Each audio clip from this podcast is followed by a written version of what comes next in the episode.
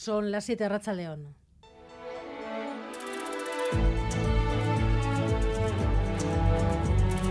Gambara con Arancha García. José María Gorroño da por rotos los compromisos con el PNV, los que le mantuvieron en la alcaldía de Guernica, pese a perder las elecciones frente a EH Bildu. En junio se dio por bueno que dejaría la alcaldía pasado un tiempo y que pasaría a manos de su hermano. El tiempo pasa, el PNV quiere formalizar un programa de gobierno. Ayer hubo reunión en Sabinechea y hoy la plataforma Gustionzaco Herri ha dicho que Gorroño se queda. A esta hora comienza el pleno del ayuntamiento, se esperan las explicaciones del alcalde. ¿Qué se dice en el pueblo, Gary Suárez, Arracha León? Arracha León, bueno, pues en el pueblo la gente opina, opina y mucho, porque se habla de lo que está sucediendo en el ayuntamiento. El enfado y el desconcierto de la gente son más que palpables y las opiniones son de todas las vertientes. Hay quien piensa que Gorroño ha faltado a su palabra, otros creen que debe seguir y otros que toda esta situación ya se veía venir desde las elecciones. Eso sí, prácticamente todos coinciden en algo. La imagen que se está dando de Guernica es muy mala. Votando a Goroño, sabía cómo es Goroño. Son ansias de poder y una tomadura de pelo al pueblo enorme. El Partido Nacionalista Vasco ha jugado, no le ha salido bien, desde luego. No fue el elegido, tenía que ser Bildu. La palabra hay que cumplir. Tú si has dicho, has dicho. Y punto. Y que cumpla. Sí, yo creo que sí, que tendría que seguir.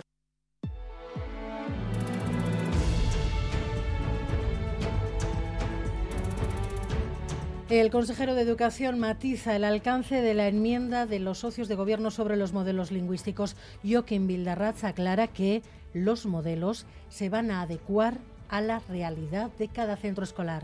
Los modelos lingüísticos devienen de la ley de normalización y uso del euskera y de ahí eh, es donde deviene el que todavía estén vigentes. Por eso digo eh, que al estar vigentes, eh, lo único que nos toca, si somos conscientes, y yo creo que también todos somos conscientes, los firmantes del pacto, de que en estos momentos no están respondiendo del todo a las necesidades de los propios centros, lo que nos toca es desarrollarlos y adecuarlos.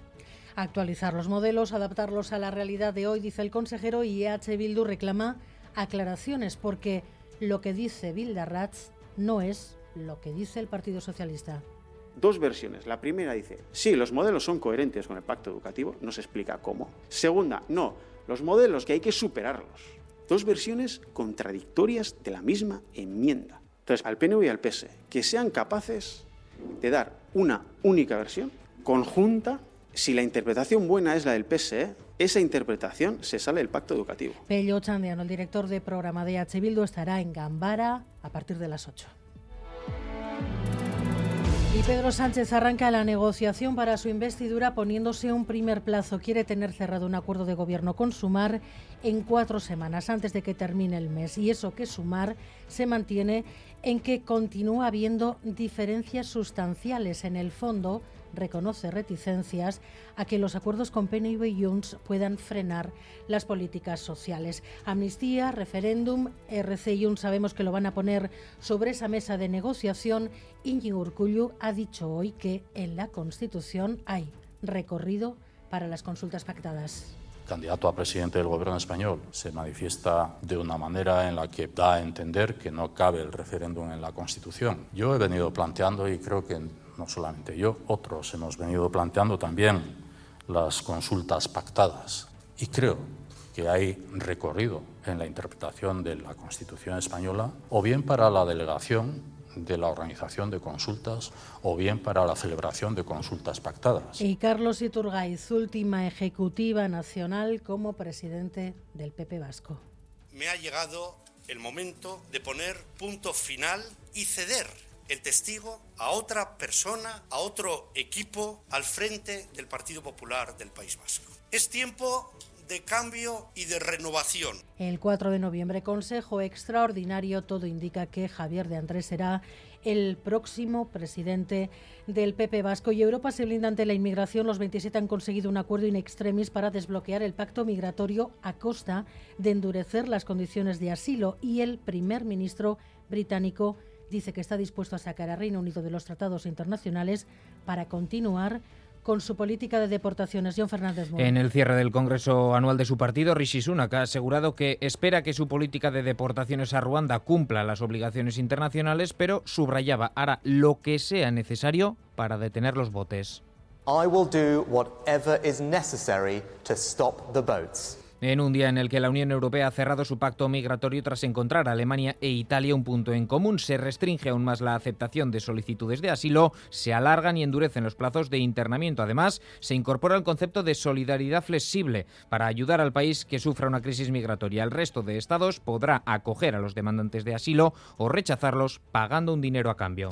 Deportes Edu García, Rachaldeón. ¿Qué tal, Rachaldeón? Una jornada intensa. Con la Liga Femenina en juego, se disputa hoy la jornada inaugural del campeonato, la que no se disputó por la huelga de las jugadoras. A las 8, el Eibar va a recibir a Nipurú al Madrid Club de Fútbol. Recién comenzado está el partido en Zubieta entre la Real y Levante Las Planas. Dani Gaña, ¿qué tal, Rachaldeón?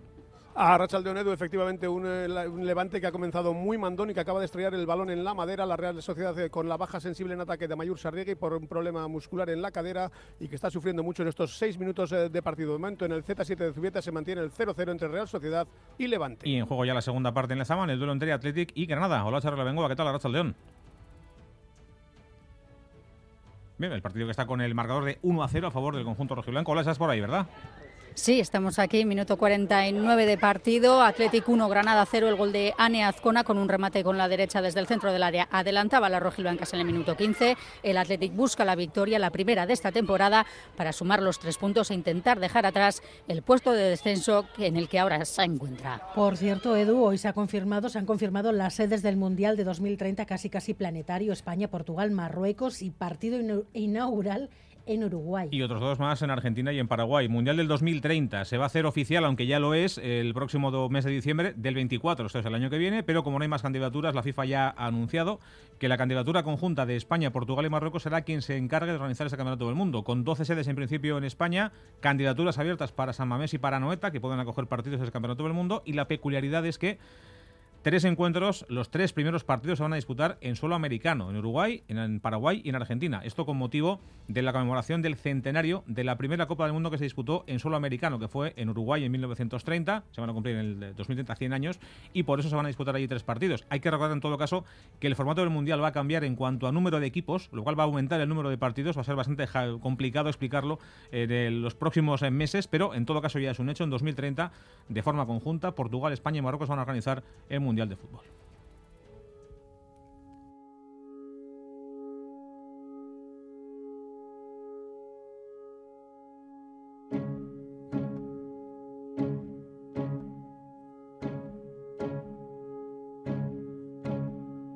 Je suis descendu du train. Paris au petit Y nuestra contra para el caos que está causándose en Madrid la decisión del gobierno de Ayuso de no ofrecer becas para los comedores escolares a las familias monoparentales. Javier Madariaga. Madrid ha cambiado su sistema de becas para los comedores escolares. Las familias tenían hasta hoy de plazo para subsanar errores en las solicitudes. Las alarmas las han hecho sonar madres de familias monoparentales que en estos últimos días llevan recibiendo mensajes de la Consejería de Educación denegándoles la beca. La subsanación presentada no es válida. Falta sentencia de divorcio o sentencia de relaciones paternofiliales en caso de custodia compartida, incluir a los dos progenitores. Sorpresa, el sistema de becas que Ayuso acaba de instalar no entiende que no haya padre en esas familias. Sin papeles de divorcio o de función de por medio, el sistema cortocircuita y deniega la ayuda.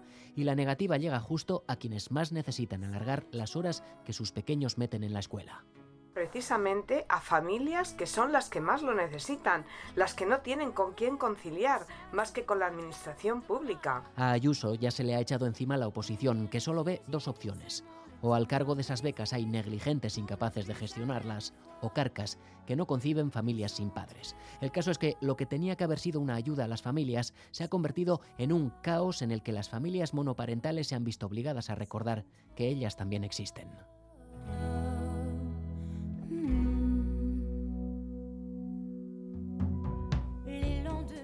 Aitor Zubeldía y Arancha Prado están en la dirección técnica, Cristina Vázquez en la producción.